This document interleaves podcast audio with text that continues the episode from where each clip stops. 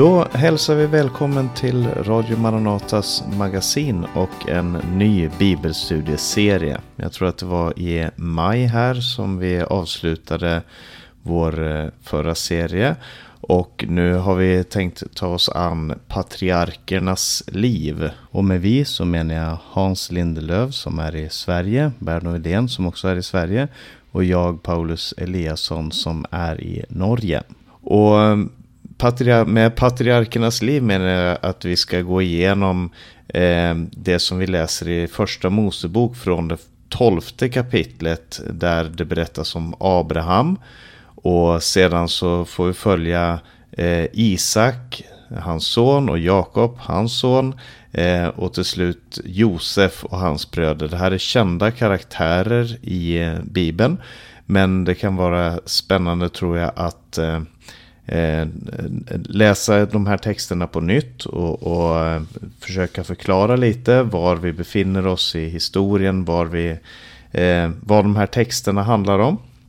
Så Bern och Hans och jag, om eh, Herren vill och vi, vi får leva så, så ska vi de närmaste eh, närmaste veckorna här gå igenom den här texten. Och vi får se lite hur, hur upplägget blir här, men jag tror att det ska bli en väldigt spännande och, och intressant eh, samtal som vi ska ha. Vi delar in det så att var och en får möjlighet att eh, dela med sig av det som den text som man har fått tilldelat och, och de andra får kommentera på det också. Så det är lite upplägget för de här eh, radiosändningarna. Och jag ska börja då, jag eh, ska ta den första delen här och den första delen det är egentligen det som händer innan första Mosebok 12. Eh, Hans och Berno ska, ska dela på kapitlet som är första Mosebok 12 eller Genesis kapitel 12 Eh, som handlar om Abrahams kallelse och Abraham och Sarai som eh, när de befinner sig i Egypten. Men eh, vad är det som leder upp till den här händelsen? Vad är det som gör att vi Eh, varför dyker Abraham upp eh, på Bibelns blad? Och man kan ju säga att första Mosebok är indelat i två delar. Där vi nu börjar med den andra delen. Därför kan det vara intressant då att se på den första. Som handlar om kapitel 1 till 11. Eh, och det är väldigt omdiskuterade texter, det är väldigt kända texter. Det handlar om skapelsen, det handlar om Noa och Noas ark, det handlar om eh, Babels torn och sådana här väldigt ja, relativt välkända texter skulle jag tro.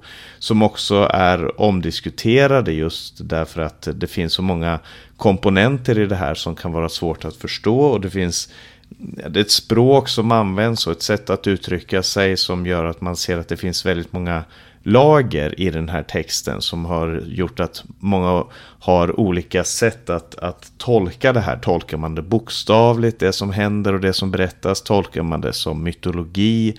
Tolkar man det som någonting mittemellan? Eh, oavsett vilken, vilken tolkningsmodell man har så kan man i alla fall säga att det finns en sammanhängande berättelse det finns en historia som Bibeln berättar och som, som den vill presentera som sättet som, som författaren här ser världen på. Och det här kallas ju Moseböckerna därför att eh, Bibeln berättar för oss att det är Mose som har skrivit ner. Det, inte, det står inte i texten här, men det är dels den judiska traditionen och dels så, så nämner Jesus det också. Han uttrycker sig så att eh, har inte Mose sagt det och så vidare. Så det här är i alla fall texter som, som går tillbaka till Mose men som kan vara antingen redigerade, lite beroende på hur man ser den här texten. Då. Men det var, det var inte det jag skulle säga eh, någonting om. Eh, men det som står här är en väldigt viktig bakgrund inför det vi ska läsa som handlar om Abraham, Sara, eh, deras liv, eller Abraham och Sarai som de hette från, från början. Eh, och det man kan säga att kapitel 1 till 11 handlar mycket om det är mänsklighetens misslyckande gång på gång. Det börjar med berättelsen om Adam och Eva och hur de levde i, i harmoni med varandra och med Gud i Edens lustgård. Eh, eller paradiset. Eh, men så står det att de syndade på grund av sitt begär och på grund av att de inte litade på Gud utan hellre litade på den här eh, enigmatiska, mystiska ormen som, som de mötte i, i lustgården. Så förlorade de paradis och tillgången till livets träd. De förlorade eh, det livet som de hade innan och eh, blev utdrivna öster om Eden, står det. Och eh, sen kommer berättelsen om deras barn och man förväntar sig att det kanske ska komma någonting bättre därför att det finns en, ett löfte som Gud gav då Adam och Eva föll och det var att han sa att kvinnans säd skulle söndertrampa ormens huvud. Så väldigt mycket av Bibelns historia handlar om att forska i den här frågan. Vem är denna kvinnans säd och hur ska kvinnans säd krossa ormens huvud? Vilken makt är det som ska stå som, som kvinnans säd representerar mot då ormen och, och eh, som vi senare i Bibeln får lära känna är kallas också för Satan och djävulen. Men eh, det som händer när de har blivit fördrivna ifrån paradiset det är att eh, de får barn, bland annat Kain och Abel. Och det är en välkänd historia också där, där Kain eh, efter, efter vissa händelser dödar sin bror och han flyr ännu längre österut. Det är ett tema som, som finns många gånger i Bibeln att man drar österut, eh, bort ifrån Gud, det, då drar man österut. Eh, och, och, det kan man se också till exempel i, i fångenskapen i Babylon, där judarna blev bortförda ifrån Jerusalem och förda till fångenskapen i Babylon som låg också då österut. Eh, och efter Kain så, så eh, ha, följer vi historien där familj på familj, barn efter barn efter barn. Eh, som vi kan följa i, i eh, för, första Mosebok kapitel 3, 4, 5. Och, och det vi ser där det är att våldet ökar på jorden. Våldsamhet och utnyttjandet av varandra. Framförallt missbruket av kvinnor och polygami. Eh, en av Kains eh, en i Kains släktled som heter Lemek, han hade två fruar. Och sen så står det om Guds söner som tog sig hustrur ifrån människornas döttrar. Eh, och det verkar som att just det här utnyttjandet av andra människor är det som är i fokus. Och våldsamheten på jorden är det som är i fokus när Gud kallar en man som heter Noa. Som betyder frid eller ro eller tröst. Eh, och, och, eh, kallar honom att bygga en ark. Den här välkända historien om Noas ark där han tar med sig djur in i arken och han tar med sig sin familj. Eh, för övrigt som en, med tanke på det som jag nämnde här om, om polygami och det här som tar sig hustrur och så, så står det uttryckligen faktiskt väldigt många gånger i texten att Noa, han hade en fru och hans barn hade också varsin fru. Och det verkar som att det står till skillnad mot hur de andra betedde sig under den här tiden.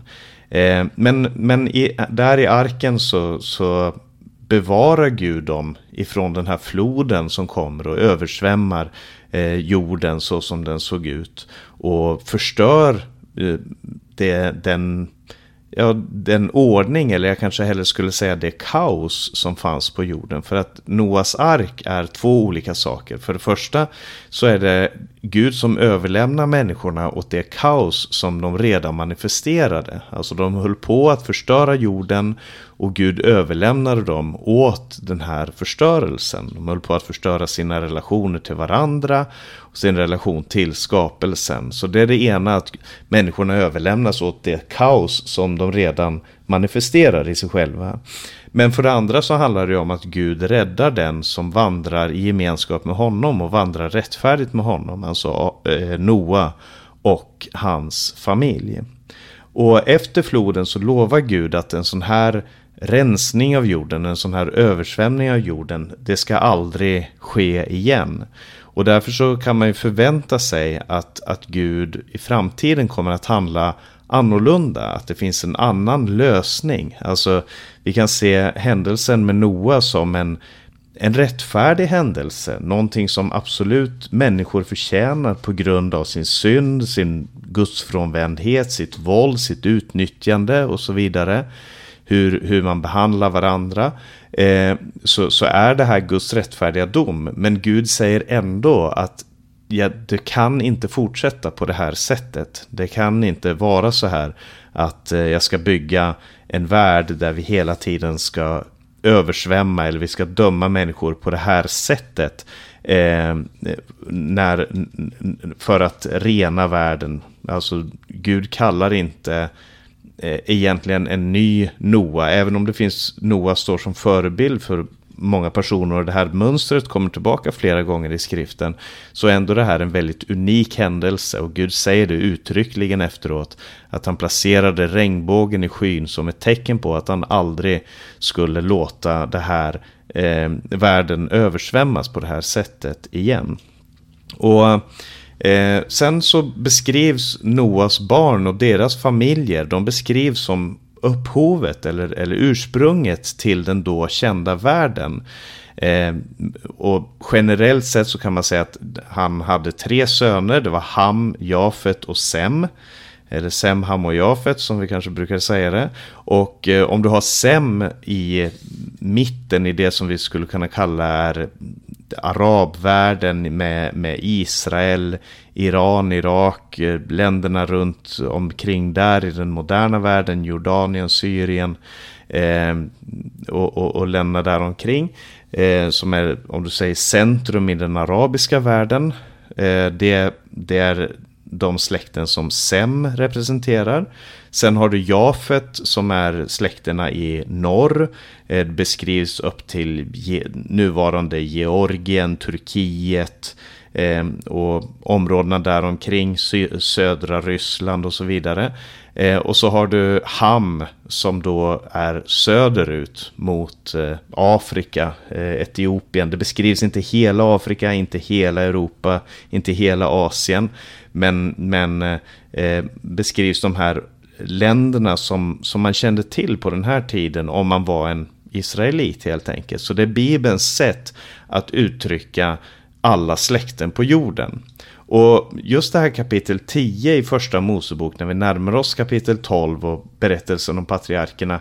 Det är ju då en, en lång, lång uppräkning av alla olika slags folk. Kanan blev far till Sidon som var hans förstfödde och Het och Jebusitten och Amoren och Girgasena. Och när man läser det här så kan det nästan verka som att det här måste ju ändå vara ganska onödigt. Det här måste vara den rena stereotypen av vad det betyder att läsa Bibeln.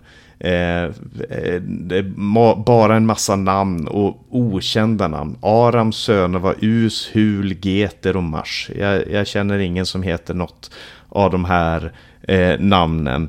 Men, men det här är faktiskt väldigt centralt för förståelsen av både, både av det som följer här i första Mosebok men också det som Jesus gör faktiskt. När han säger gå ut i hela världen och förkunna evangelium för all skap, allt skapat. Och när aposteln Paulus säger Gud har kallat mig att vara hedningarnas apostel, eh, folkens apostel, då, då pekar det tillbaka på första Mosebok kapitel 10. Det här är om du vill alla släkten på jorden. Och kom ihåg det när vi, när vi nu ska gå in i texten och läsa till exempel kapitel 12 där Gud talar till Abraham och säger någonting om hans förhållande till alla släkten på jorden och vad Abraham ska bli för alla släkterna på jorden. Men men i kapitel 10 då så, så, räknas de här upp. Och sen kommer vi till kapitel 11 och där har vi en väldigt välkänd historia om, eh, om eh, Babel. Och Babel där människorna sa kom så går vi tillsammans och bygger en stad och ett torn med spetsen uppe i himlen. Alltså man, man eh, kommer tillsammans, alla de här släkterna, alla de här människorna på jorden, de kommer tillsammans och säger låt oss bygga ett centrum där vi kan bygga ett torn som, eh, och de här tornen var ganska vanliga på den här tiden för man hade en föreställning om att om man byggde de här tornen så kunde de användas som en slags eh, kontakt, en kontaktyta för Gud eller för gudarna, vilken det nu var man tillbad. Så skulle liksom gudarna kunna tvingas ner genom ceremonier och ritualer så skulle man kunna tvinga ner gudarna till marken och, och, och eh, fånga dem på ett sätt på jorden.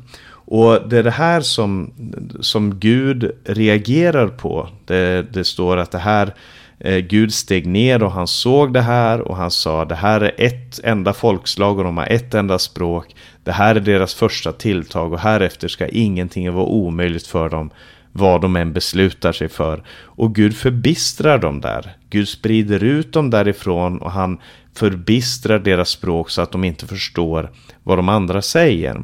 Och oavsett hur man tolkar det här och, och hur man förstår det så, så handlar det om att det finns en mänsklig ambition som Gud sätter stopp för.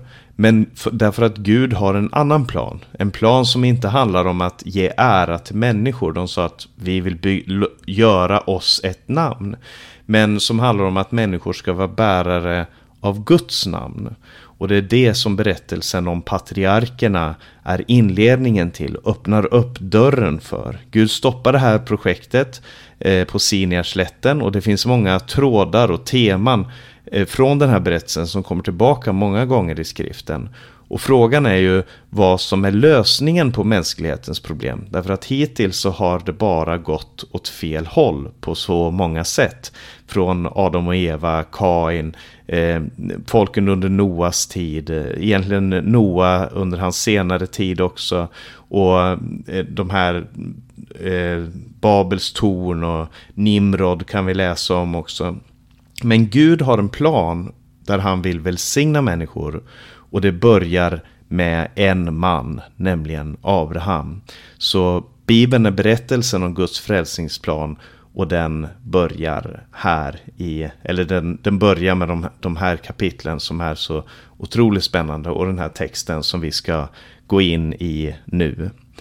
Eh, det var det jag ville dela med mig här och jag ska först överlämna ordet åt Hans här om du vill ha, ge några kommentarer på den här bakgrunden som vi finner i Första Mosebok 1-11.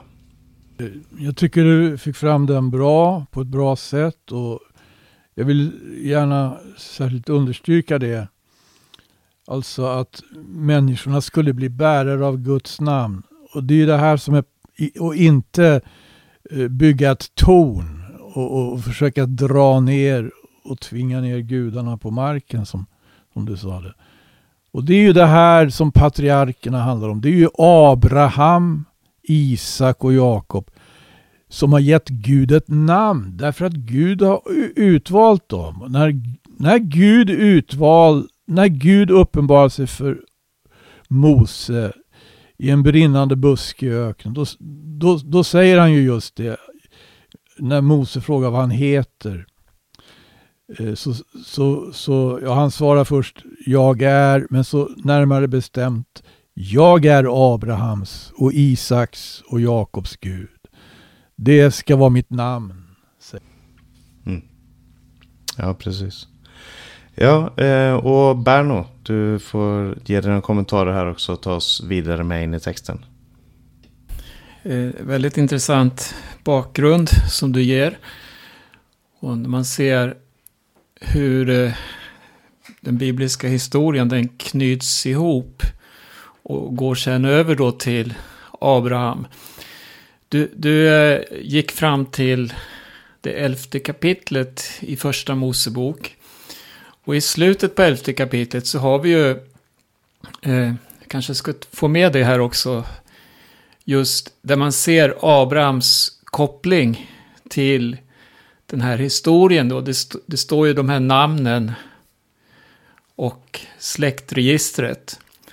Och så står det om Tera och Teras fortsatta historia. Om hur Tera blev far till Abraham, Nahor och Haran. Och sen fortsätter ju direkt då berättelsen om Abraham. Och jag vet inte, ska jag, kan, ska jag börja läsa från det tolfte kapitlet här då kanske?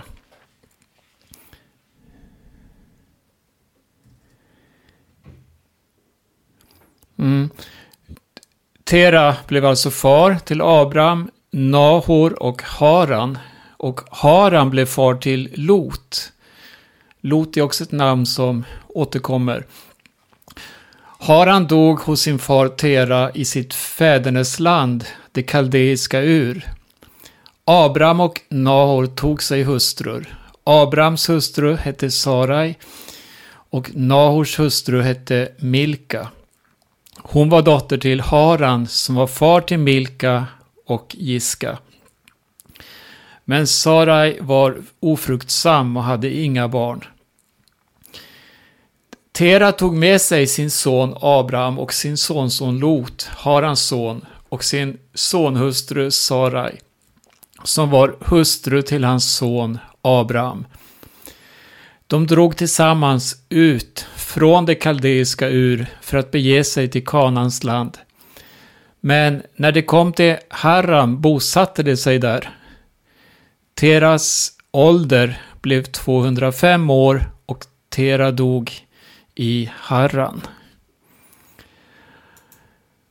Ja, och sen, sen kommer vi in då i tolfte kapitlet. Och här börjar egentligen berättelsen om Abraham. Om vad han fick vara med om. Och eh, jag ska, jag ska läsa från första versen här. Det står Herren sade till Abraham Gå ut från ditt land och din släkt och din fars hus och bege dig till det land som jag ska visa dig. Där ska jag göra dig till ett stort folk. Jag ska välsigna dig och göra ditt namn stort och du ska bli en välsignelse. Jag ska välsigna dem som välsignar dig och förbanna den som förbannar dig. I dig ska jordens alla släkten bli välsignade. En enorm inledning med många löften vill jag säga. Och just den här inledningen, den citeras ju också av Paulus sen i Nya Testamentet som en profetia om frälsningen genom tron på Jesus då, Abrahams avkomma så småningom. Det står så här i Galaterbrevet 3.8, jag kan flika in det. Skriften förutsåg att Gud skulle förklara hedningarna rättfärdiga av tro och gav i förväg detta glädjebud till Abraham. I dig ska alla folk bli välsignade. Alltså blir det som tror välsignade tillsammans med Abraham som trodde. Så nu har vi redan i inledningen sett här vilken oerhörd plan Gud hade med Abraham som eh, stamfader, alltså den första patriarken, stamfader för Israel, för Guds eget folk. Eh, vers 4. Abraham gav sig iväg som Herren hade sagt till honom och Lot gick med honom. Abraham var 75 år när han lämnade Harran. Han tog med sig sin hustru Sarai och sin brorson Lot. Alla ägodelar och allt det folk de skaffat sig i Harran och gav sig av mot Kanans land. När de kom till Kanans land fortsatte Abraham in i landet ända till Shekems område, till Mores terebint. På den tiden bodde kananéerna i landet och Herren uppenbarade sig för Abraham och sade Åt dina efterkommande ska jag ge detta land. Då byggde han ett altare åt Herren som hade uppenbarat sig för honom. Därifrån drog han vidare till berget öster om Betel och slog upp sitt tält med Betel i väster och Ai i öster. Där byggde han ett altare åt Herren och åkallade Herrens namn. Sedan bröt Abraham upp därifrån och drog sig allt längre söderut.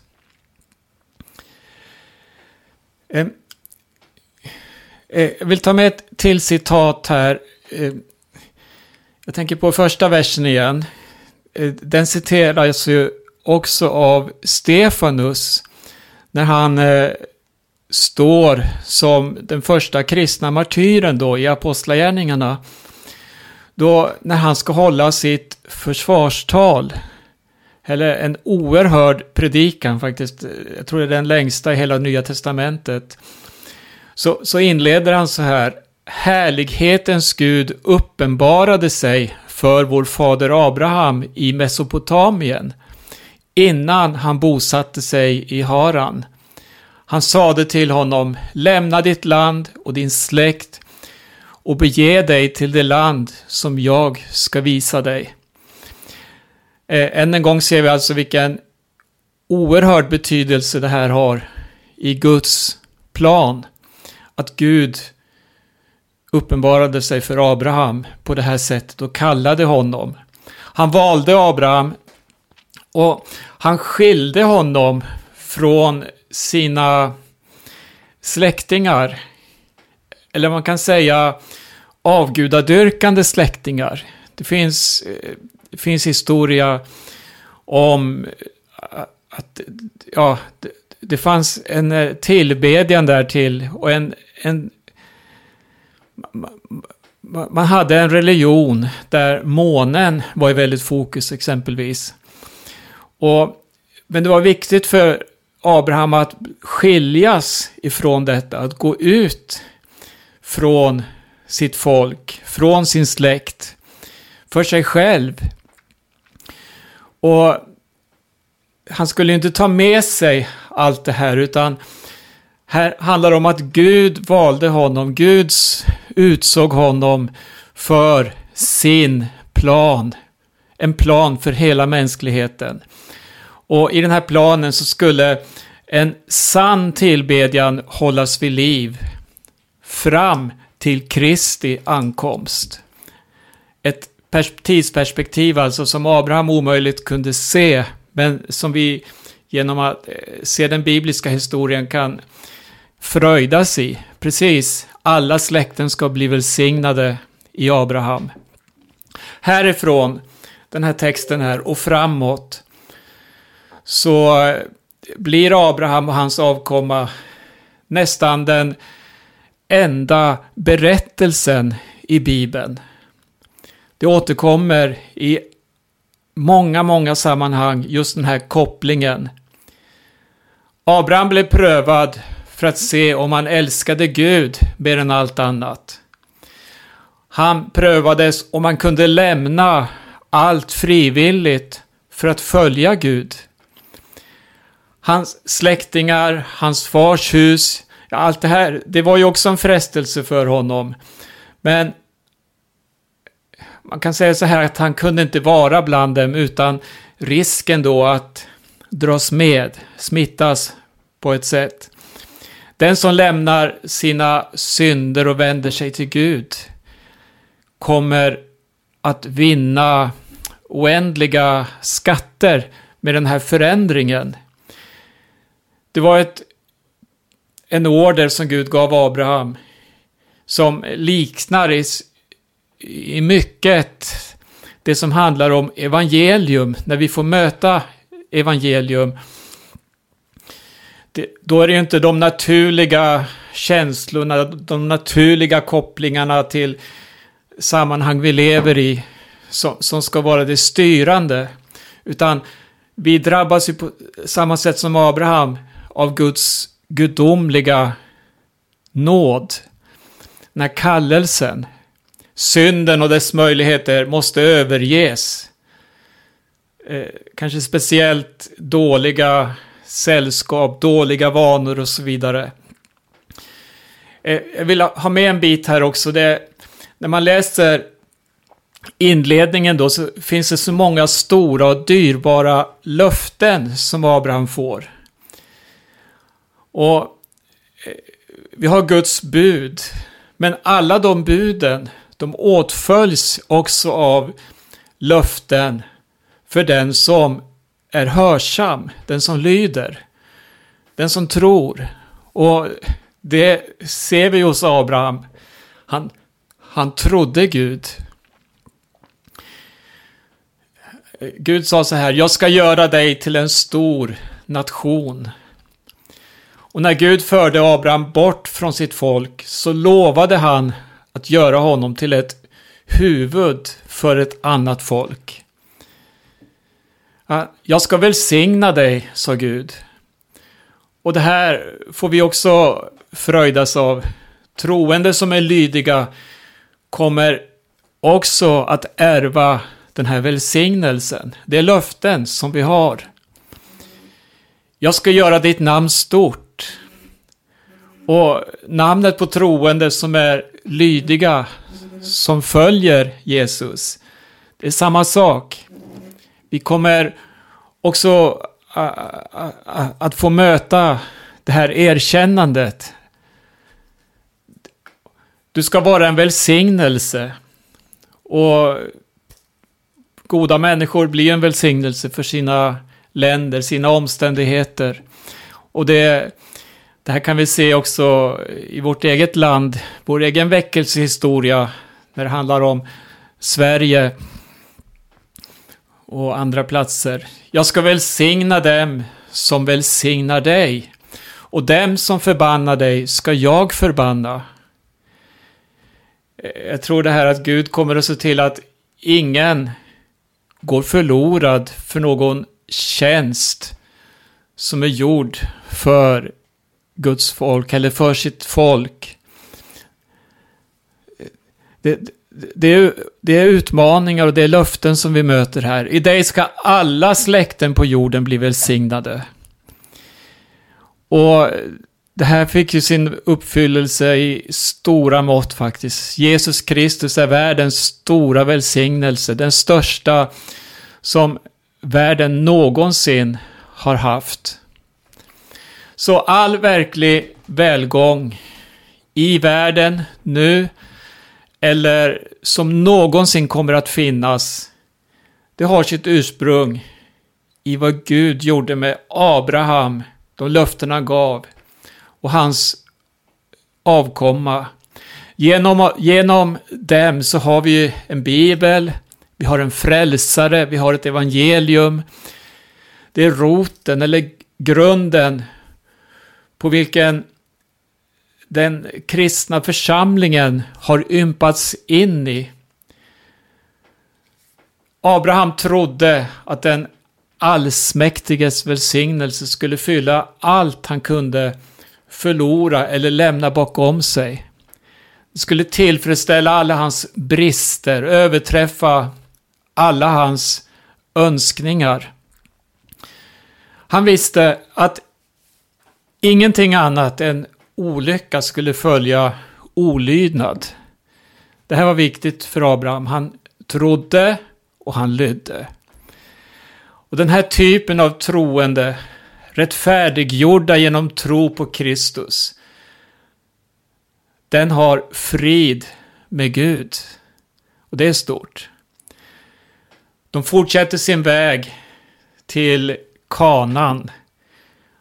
Abraham kom till kanan. Och den här typen av kristna också, vi, vi får inte låta oss nedslås av vägens svårigheter eller dras bort ifrån vägen av de nöjen som vi stöter på.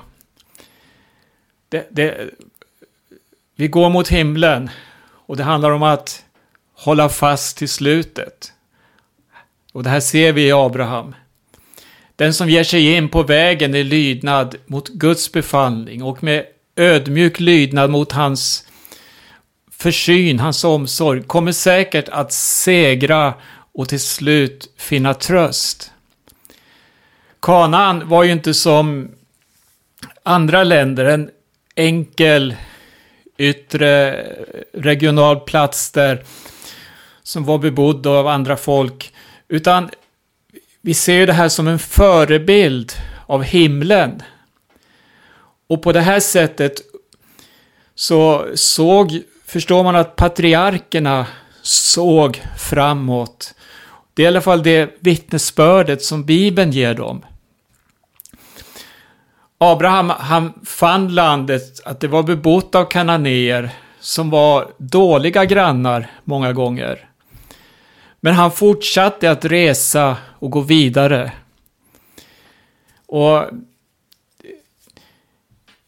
eh, jag tänker så här att ibland så är det goda människors öde att inte vara fast bosatta och eh, just det här att ofta förändra sina förhållanden, att leva som en pilgrim. Troende bör se sig som pilgrimer och främlingar i den här världen. Och det har vi också många bibelord på. Det står eh, om Abraham som är trons vittne i Hebreerbrevet 11. Det står att i tron lydde Abraham när han blev kallad att dra ut till ett land som han skulle få i arv och han gav sig iväg utan att veta vart han skulle komma. I tron dog alla dessa, det är flera som nämns här då, utan att ha fått det som var utlovat. Men de hade sett det i fjärran, hälsat det och bekänt sig vara gäster och främlingar på jorden. Men märk hur mycket tröst Abraham fann i Gud. När han fann lite nöje i sina möten med kananéerna så, så, kan man säga att han fann en riklig glädje i gemenskapen med Gud. Alltså den Gud som hade lett honom dit och som aldrig övergav honom. Han prövades på många sätt. Men Hebreerbrevet skriver så här också om Abraham och de andra. Nu längtade de till ett bättre land, det himmelska. Det var det som höll dem uppe. Därför skäms inte Gud för att kallas deras Gud, för han har förberett en stad åt dem. Ja, eh, och så till sist, något som eh, Abraham värnade mycket om också, det var ju det här som har med familjen att göra. Han, eh, han, det var, det var viktigt det här med tillbedjan familjens tillbedjan, enheten. Det, det är en gammal väg, inget nytt, utan en uråldrig vana hos de heliga. Abraham, han var rik, han hade en stor familj. Ändå så hade han inte stadgat sig och fastnat på vägen. Utan, och han var omgiven av fiender. Men ändå, varje gång han slog upp sitt läger så står det han byggde ett altare. Vart vi än går, låt oss inte lämna vår tjänst för Gud bakom oss. Vår motivation, vår målinriktning. Utan se på Abrahams liv, se på hans tro och gå samma väg. Ja, det blev mycket det här men... Eh, ja, tack ska du ha Berno. Tack. Ja, nej det är en otroligt spännande text här som vi går in i. Där vi har, som du säger, vandringen mellan altare. Det är ett sätt att se på berättelsen om Abraham och eh, patriarkernas liv. Från altare till altare. Och det här är första gången då han bygger upp, då det byggs upp ett altare åt Herren sen, sen Noas dagar eh, i bibeltexten. Så, och Abraham får det här löftet att han ska bli en välsignelse till folket. Och det är ett sätt att läsa den här texten på som jag tror att jag kommer komma tillbaka till själv många gånger. Om välsignelsen och förbannelsen som patriarkerna för framåt. Eh, Hans, du får kommentera det här och, och, ta oss vidare i texten också. Varsågod. Ja, Berno sa ju det att eh, det här som Abraham upplevde, det har ju med evangelium att göra. Och det finns ju en sida som är, det är ju precis exakt detsamma för Abraham. Det är ju det att det handlar om att höra Guds röst. Det handlar om att göra när vi lyssnar till evangeliet. Det var det Abraham gjorde.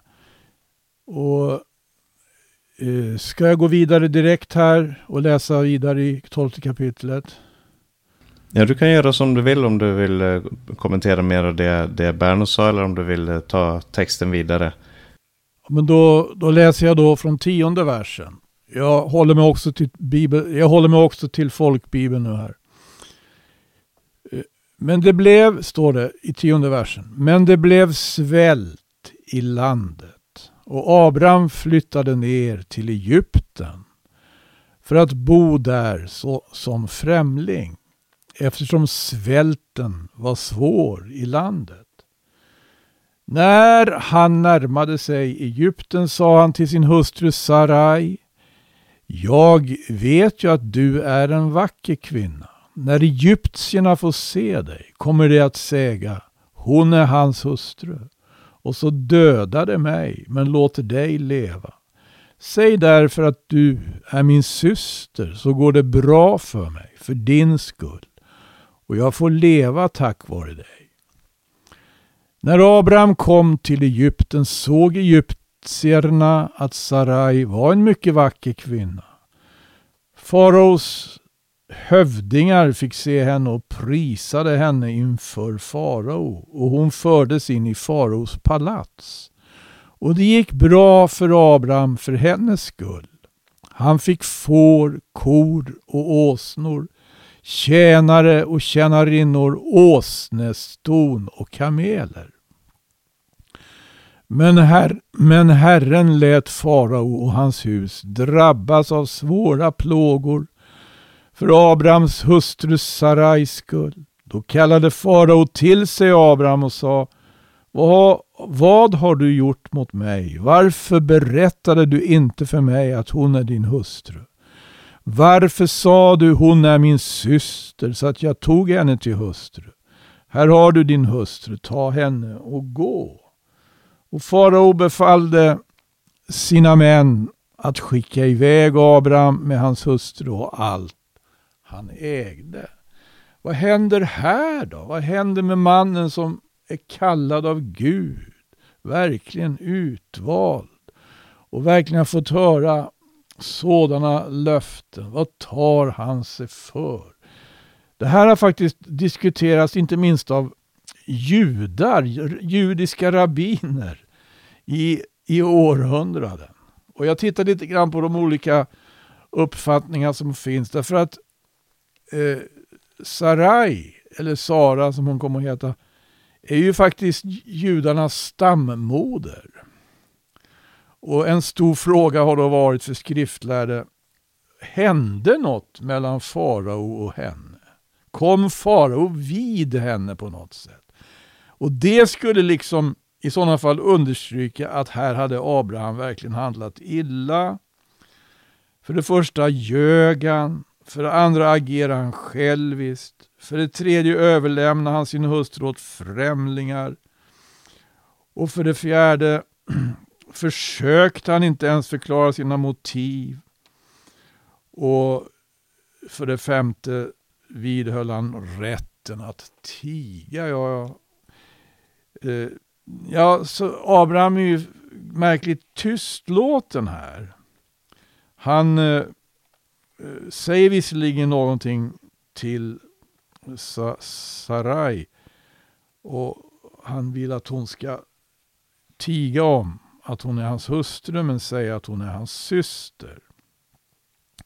Det här är alltså ett sätt att fundera, att tänka då att Abraham skulle vara värd, väl värd att kritiseras för att han övergav Kanans land och inte förtröstade på Gud och för att han lämnade ut sin hustru åt egyptierna.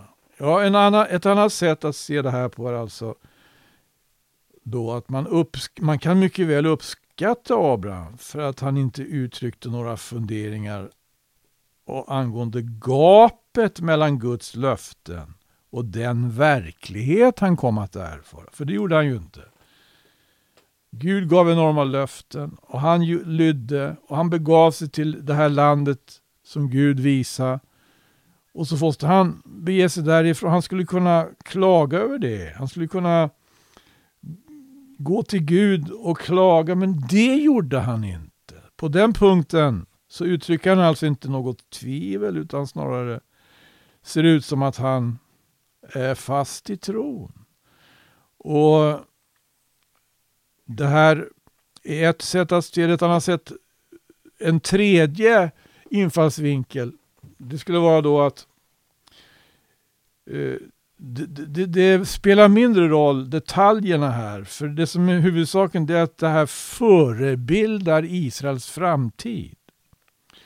Hur de ska bli mottagna i Egypten så småningom. Och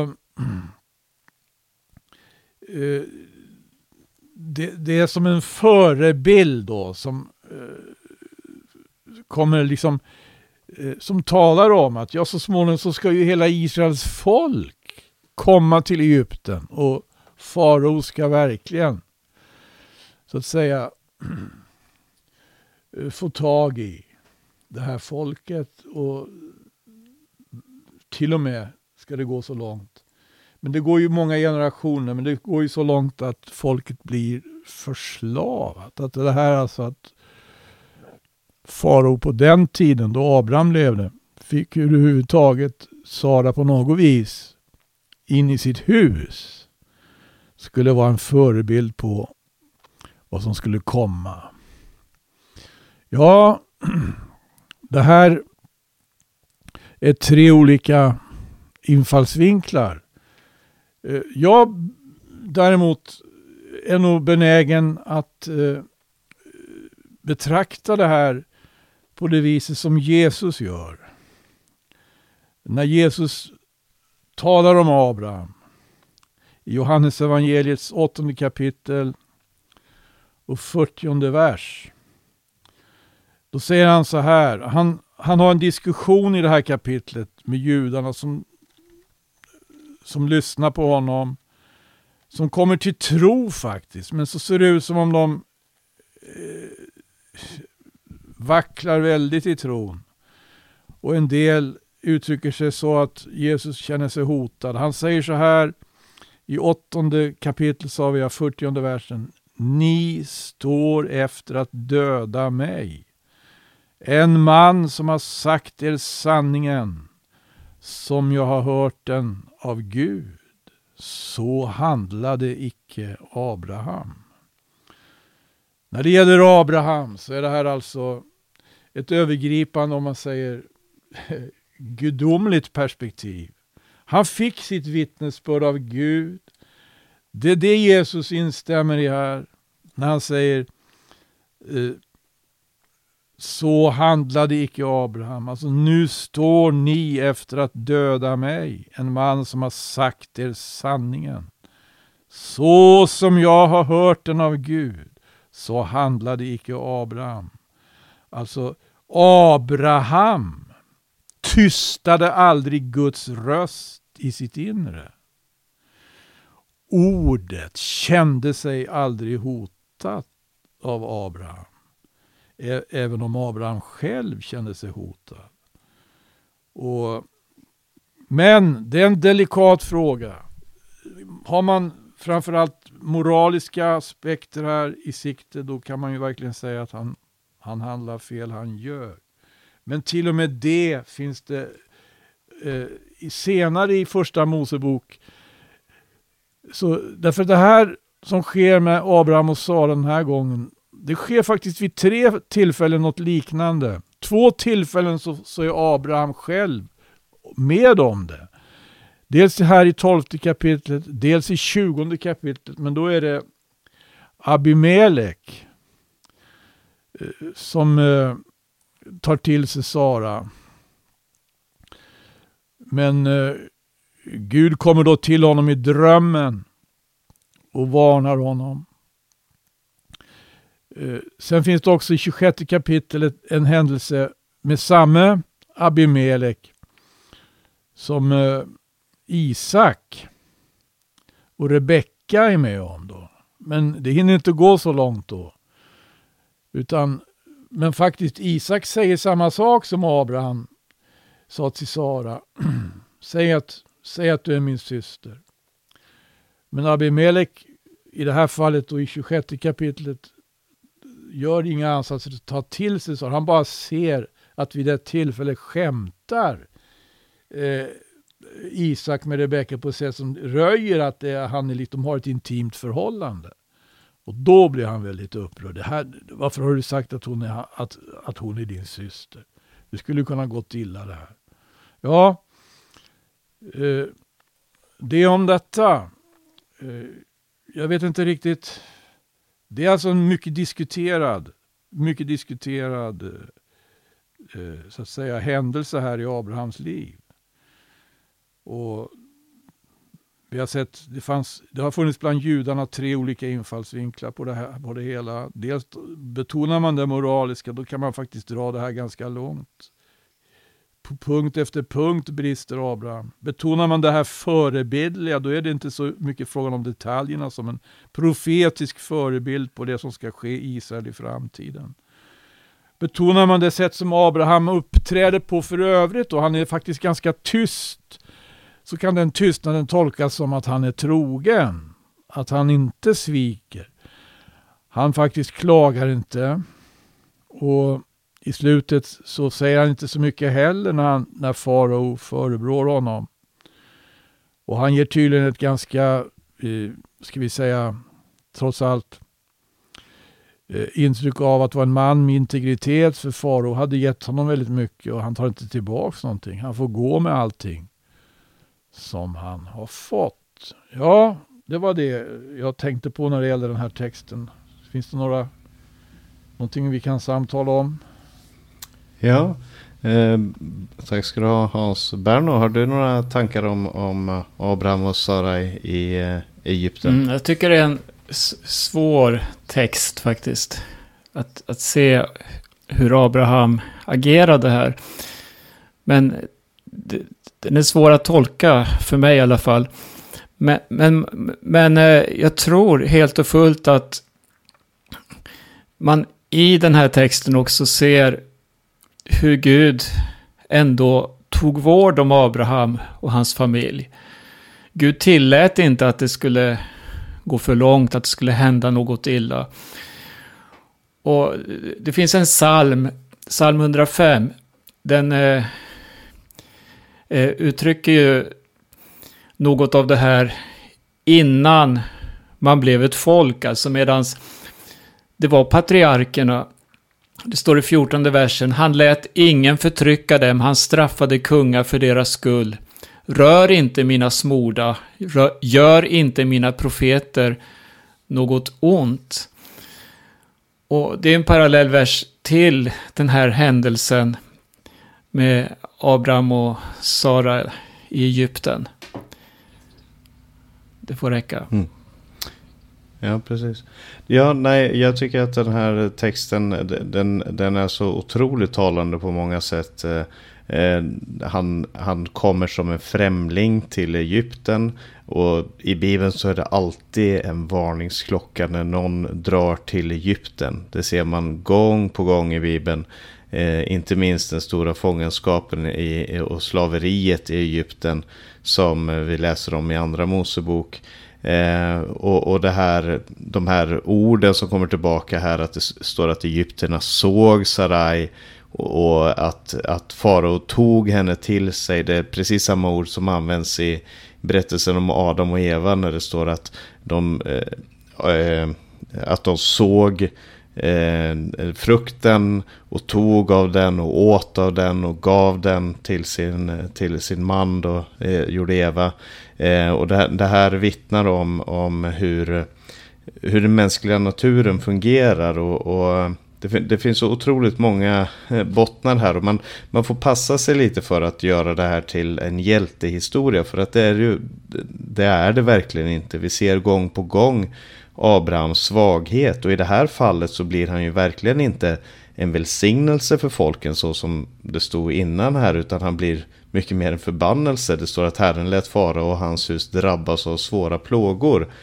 Eh, det var inte det som var tanken, det var inte det som var Guds vilja. Eh, och även om man kan säga att det här berodde på faraos synd, att han gjorde som, som det vi läste om tidigare här, de som tog sig hustrur som de själva ville. Eh, så, så ligger det ju någonting ligger hos Abraham här i hans, att hans, hans önskan om att det ska gå bra och att han ska få leva. Istället för att han ska göra det som är rätt och sant och kanske kunna ha blivit till en välsignelse istället. Men där... är, det är en spännande text det här och, och om du som lyssnar eh, har några kommentarer till det här så får du gärna skicka oss en e-post eller ringa och, och, och Eh, kom med dina tankar. Eh, I slutet av programmet här så ska du få lite information om hur du kommer i kontakt med oss. Men eh, vi ska tacka för oss för den här gången. Vi som har samtalat här. Eh, Berno Widén, Hans Lindelöv och jag heter Paulus Eliasson. Nästa gång så ska vi komma in mer på eh, Abraham och Lot och hans deras förhållande till varandra i det trettonde kapitlet. Vi får se hur långt vi kommer där. Men jag får tacka er som har varit med, tacka er som har lyssnat och eh, önska er Guds rika välsignelse. Vi ska lyssna på en sång och få lite avannonseringar här också.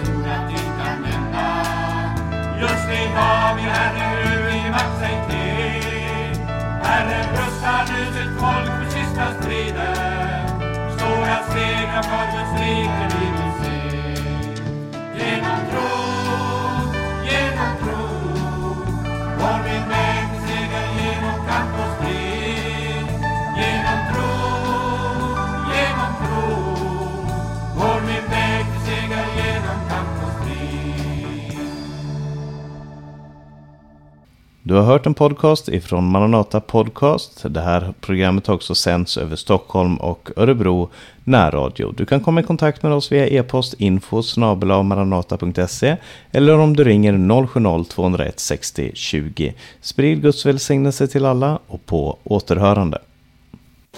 Tro,